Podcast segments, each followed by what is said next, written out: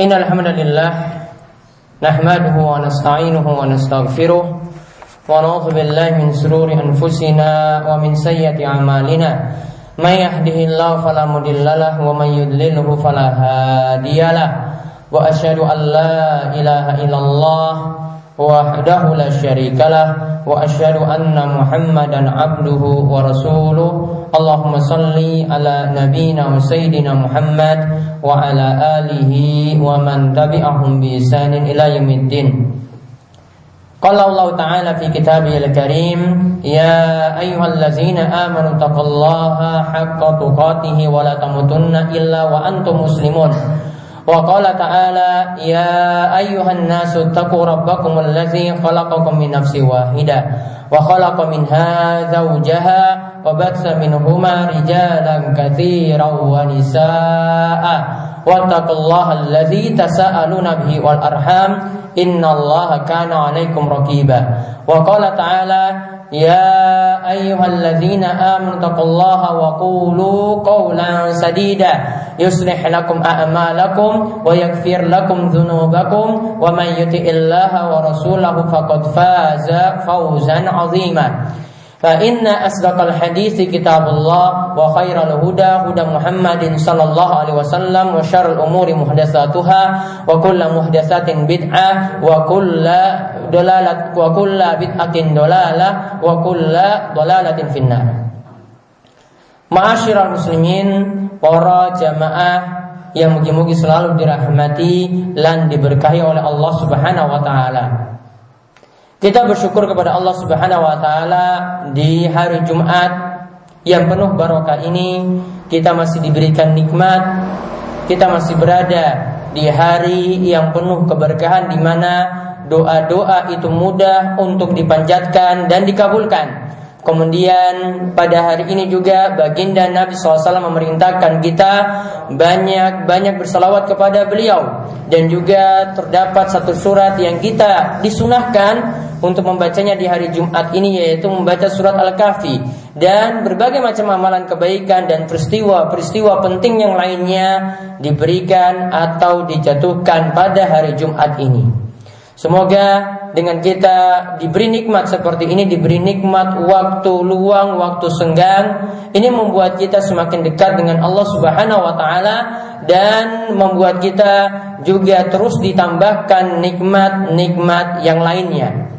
Salawat dan salam semoga tercurahkan kepada junjungan kita Nabi besar Nabi Agung Muhammad sallallahu alaihi wasallam kepada para sahabat, kepada ummahatul mukminin, kepada ya para sahabat yang lainnya khulafaur rasyidin ya dan juga para sahabat yang mengikuti perang Badar. Begitu juga kepada orang-orang yang mengikuti jejak jejak mereka dengan baik dan mudah-mudahan pun kita termasuk orang-orang yang dikumpulkan nantinya dengan para wali Allah dan juga dengan orang-orang soleh nantinya.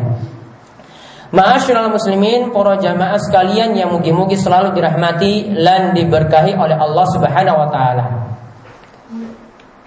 Satu hadis yang ini telah kita bahas ya pada Jumat-Jumat sebelumnya yaitu hadis yang diriwayatkan oleh sahabat Umar bin Khattab radhiyallahu anhu di mana Umar itu pernah ditanyakan Umar pernah menceritakan tentang dialog baginda Nabi Shallallahu Alaihi Wasallam yang berisi tanya jawab dengan malaikat Jibril alaihi salam. Ketika itu Nabi SAW ditanya oleh malaikat Jibril apa itu Islam. Ketika itu Nabi SAW juga ditanya oleh malaikat Jibril apa itu iman. Kemudian ditanya lagi apa itu ihsan.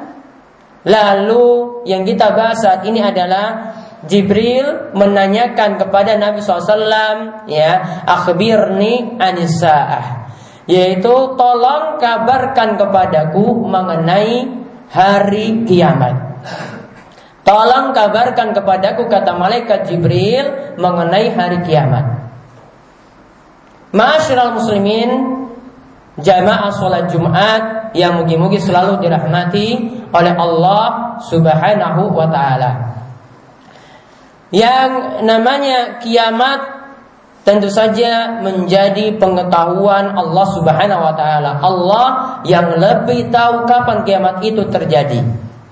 Namun kiamat itu terjadi dengan adanya tanda-tanda terlebih dahulu dan situ juga ada tanda-tanda besar yang nanti akan muncul. Jadi kalau ini jadi pengetahuan atau menjadi ilmu yang khusus bagi Allah Subhanahu wa taala, maka ketika ditanyakan mengenai hari kiamat tentu tidak ada yang mengetahuinya sampai pun baginda kita Nabi besar Muhammad sallallahu alaihi wasallam pun tidak tahu. Maka ketika itu Nabi ditanya ya tentang ya akhbirni anis saah.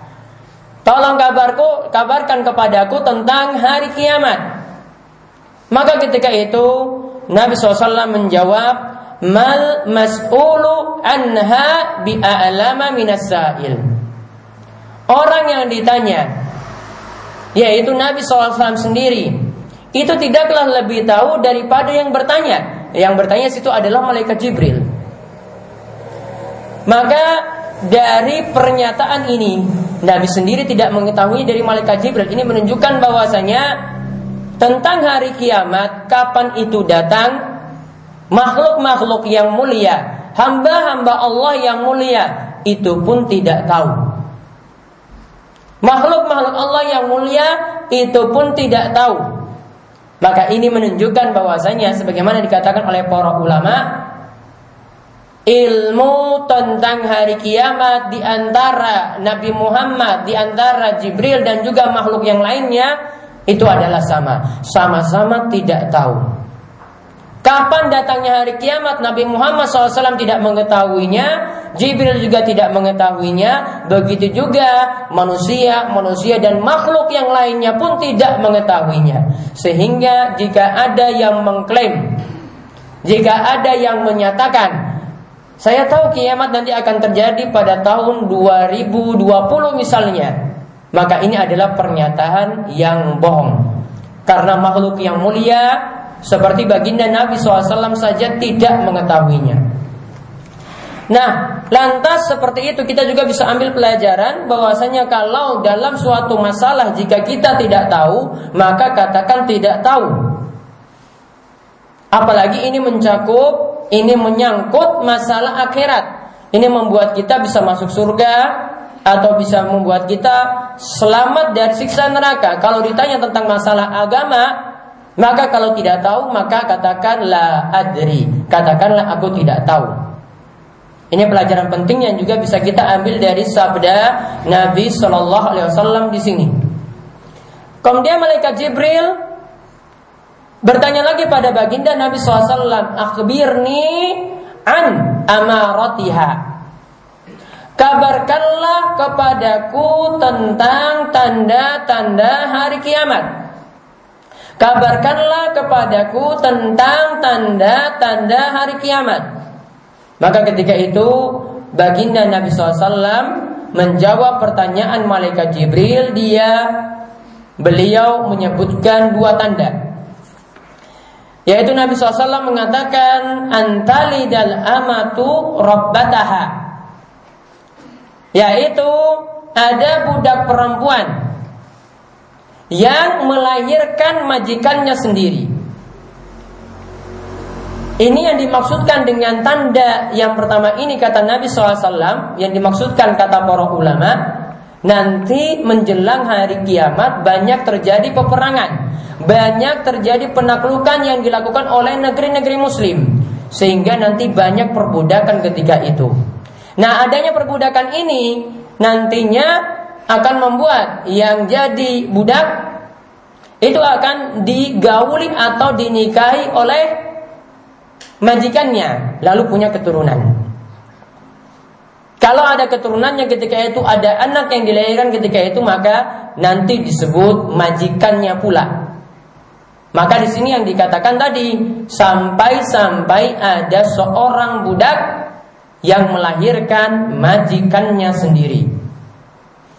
Kemudian tanda yang kedua kata Nabi Shallallahu Alaihi Wasallam, ya ini yang jadi pembahasan inti kita, yaitu Nabi SAW menyebutkan wa antarul hufatal uratal alata ria asya. yatatawaluna fil bunyan. Kata Nabi Shallallahu Alaihi Wasallam, tanda yang kedua itu adalah nanti engkau akan melihat hufat. Yang dimaksudkan di sini hufat di sini adalah fukara, yaitu orang-orang miskin. Ya hufat al urat al alata, alah yang dimaksudkan situ adalah fukara, orang-orang miskin. Orang-orang miskin itu dalam keadaan hufatal hufatal urat yaitu dalam keadaan telanjang dan tidak memakai sendal. Ria Asya mereka pun jadi pengembala kambing. Biasa ngurus wedus, kemudian nyata tawaluna fil bunyan. Kata Nabi SAW, mereka berlomba-lomba untuk meninggikan bangunan. Ya tawaluna fil bunyan, mereka berlomba-lomba untuk meninggikan bangunan. Maka yang dimaksudkan dengan tanda ini kata para ulama kalau dikatakan tadi ya orang miskin lalu dia memakai sandal dia tidak memakai sandal kemudian dia dalam keadaan telanjang tidak memakai baju Lantas dia pun berlomba-lomba untuk meninggikan bangunan dan dia ketika itu menjadi pengembala kambing. Ini menunjukkan kata para ulama bahwasanya manusia di akhir zaman itu nanti akan berlomba-lomba dalam masalah harta. Manusia di akhir zaman itu selalu tafahur watabahi yaitu mereka selalu berbangga-bangga dengan harta. Mana yang punya harta yang paling istimewa, mana yang punya kendaraan yang paling istimewa, mana yang punya rumah yang paling tinggi. Walaupun hadis ini para jamaah perlu dipahami, hadis ini yang dimaksudkan adalah meninggikan bangunan. Karena yang namanya bangunan yang tinggi di masa Nabi SAW itu tidak ada. Bangunan yang tingkat di masa baginda Nabi SAW tidak ada. Nah di akhir zaman Semakin banyak bangunan-bangunan seperti itu. Namun bukan hanya dikerucutkan atau bukan hanya dimaksudkan pemahamannya sempit seperti itu, namun yang dimaksudkan sini adalah lebih luas daripada itu, yaitu kita katakan ini tanda manusia semakin banyak yang saling berlomba-lomba cari dunia dan saling menyombongkan diri. Maka kita lihat bahkan di lingkungan kita sendiri tanda seperti ini sudah ada. Yaitu di antara orang-orang miskin ini merasa bahwasanya dia itu yang lebih di atas. Maka ada yang berumahkan gubuk reok saja bisa memiliki kendaraan yang super mahal. Ada yang kelihatan hidupnya itu kere namun punya kendaraan yang di atas 20 jutaan. Maka ini tanda tanda hari kiamat itu sudah semakin dekat karena orang sudah saling berbangga dengan dunia, saling berlomba dengan dunia, tidak memikirkan akhirat, tidak berbangga manakah di antara mereka yang amalannya paling bagus, manakah di antara mereka yang paling depan dalam meraih surga, manakah di antara mereka yang selamat dari neraka dengan menjauhi larangan-larangan Allah Subhanahu wa taala. Ini menunjukkan manusia itu begitu rakusnya terhadap dunia di akhir zaman.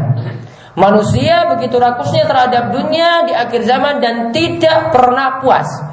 Maka ketika diberikan harta yang sebenarnya sudah cukup untuk kebutuhannya, namun dia merasa kurang, merasa kurang, merasa kurang terus. Maka sebagaimana yang Nabi SAW itu ibaratkan ketika seorang hamba diberikan satu lembah emas maka pasti dia akan menginginkan lembah emas yang kedua dan lembah emas yang ketiga. Padahal sudah diberikan yang pertama tadi satu lembah emas.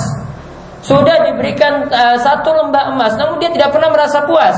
Makanya kadang Nabi SAW itu mencela orang yang terlalu gila dunia, orang yang terlalu ya berlomba-lomba dalam masalah dunia, saling berbangga dengan hartanya. Nabi katakan ta'isa abdud dinar Ta'isa Abdul Dirham Ta'isa Abdul Khamisa Celakalah orang-orang yang gila dinar. Celakalah orang-orang yang gila dirham. Yang dimaksudkan sini adalah mata uang. Yaitu maksudnya di sini adalah Celakalah orang yang gila rupiah Celakalah juga kata Nabi SAW yang gila akan pakaian Ketika diberi masih merasa kurang, masih merasa kurang dan ingin ditambah terus, ingin ditambah terus dan tidak pernah merasa cukup. Itulah watak dan sifat manusia pada asalnya. Mereka tidaklah pernah merasa puas dengan harta. Maka kita mohon pada Allah Subhanahu wa taala supaya kita bisa menjauhi sifat-sifat yang tercela, kita semakin dekat dengan Allah dan semakin membuat kita memupuk ketakwaan bukan memupuk ya saling berlomba dalam masalah harta, namun bagaimanakah di antara antara kita paling terdepan dalam masalah kebaikan. Fastabiqul khairat kata Allah, berlombalah kalian dalam meraih kebaikan-kebaikan. Aku qauli hadza wastaghfirullah li wa lakum wa muslimin innahu huwas samiul alim.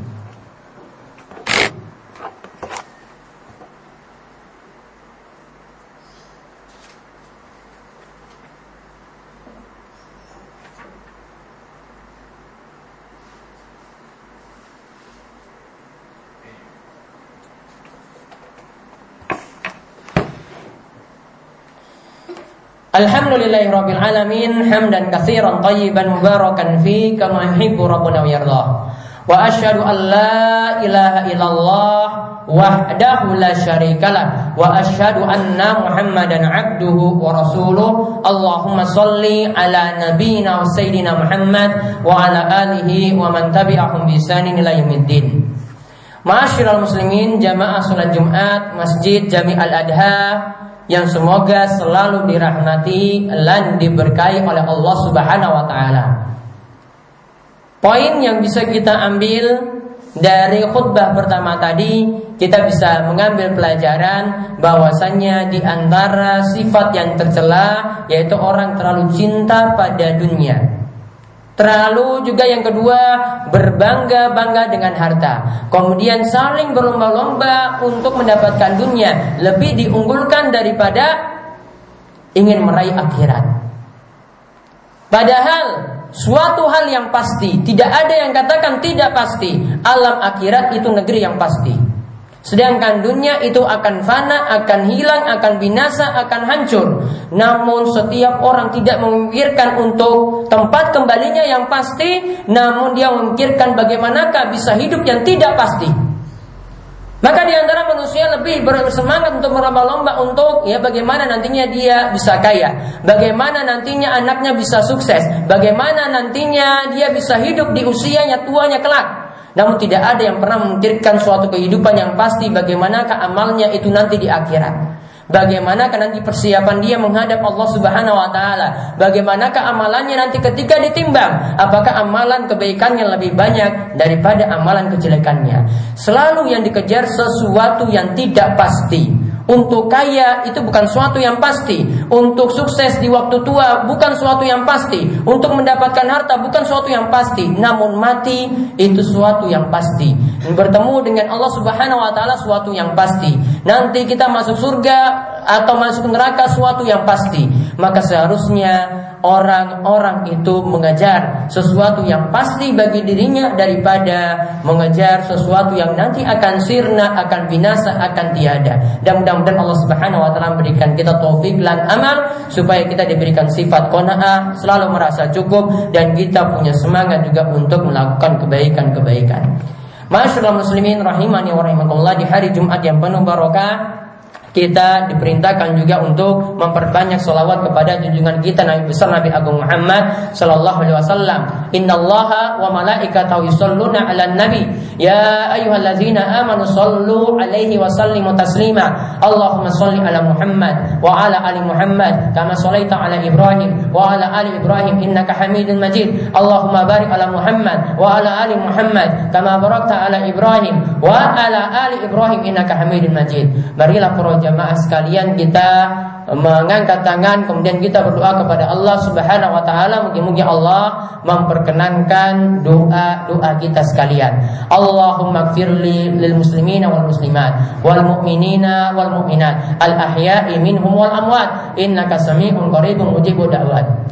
اللهم اقسم لنا من خشيتك ما تحول به بيننا وبين معصيتك ومن طاعتك ما تبلغنا به جنتك ومن اليقين ما تهون به علينا مصائب الدنيا اللهم متئنا بأسمائنا وأبصارنا وقوتنا ما أحييتنا واجعله وارث منا واجعل ثأرنا على من ظلمنا وانصرنا على من عدانا ولا تجعل مصيبتنا في ديننا ولا تجعل الدنيا أكبر همنا ولا مبلغ علمنا ولا تسلط علينا من la yarhamuna. Rabbana hab lana min azwajina wa dzurriyyatina qurrata a'yun waj'alna lil muttaqina imama. Ya Allah ya Rabb kami berikanlah ampunan kepada kami. Ya Allah ya Rabb kami berikanlah ampunan juga kepada kedua orang tua kami. Begitu pula orang-orang yang telah mendahului kami.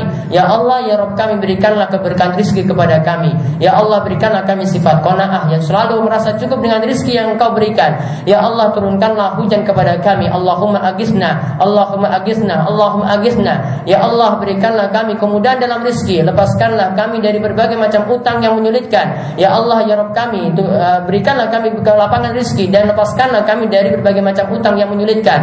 Rabbana atina fid dunya hasana Wa fil akhirati hasana wa kina adzaban nar Rabbana atina fid dunya hasana Wa fil akhirati hasana wa kina adzaban nar Rabbana atina fid dunya hasana Wa fil akhirati hasana wa kina adzaban nar Inna Allah ya'muru bil adli wal ihsan wa ita'i dzil qurba wa yanha 'anil fahsya'i wal munkar wal baghi. Ya'idzukum la'allakum tadhakkarun wa la dzikrullahi akbar. Aqimus shalah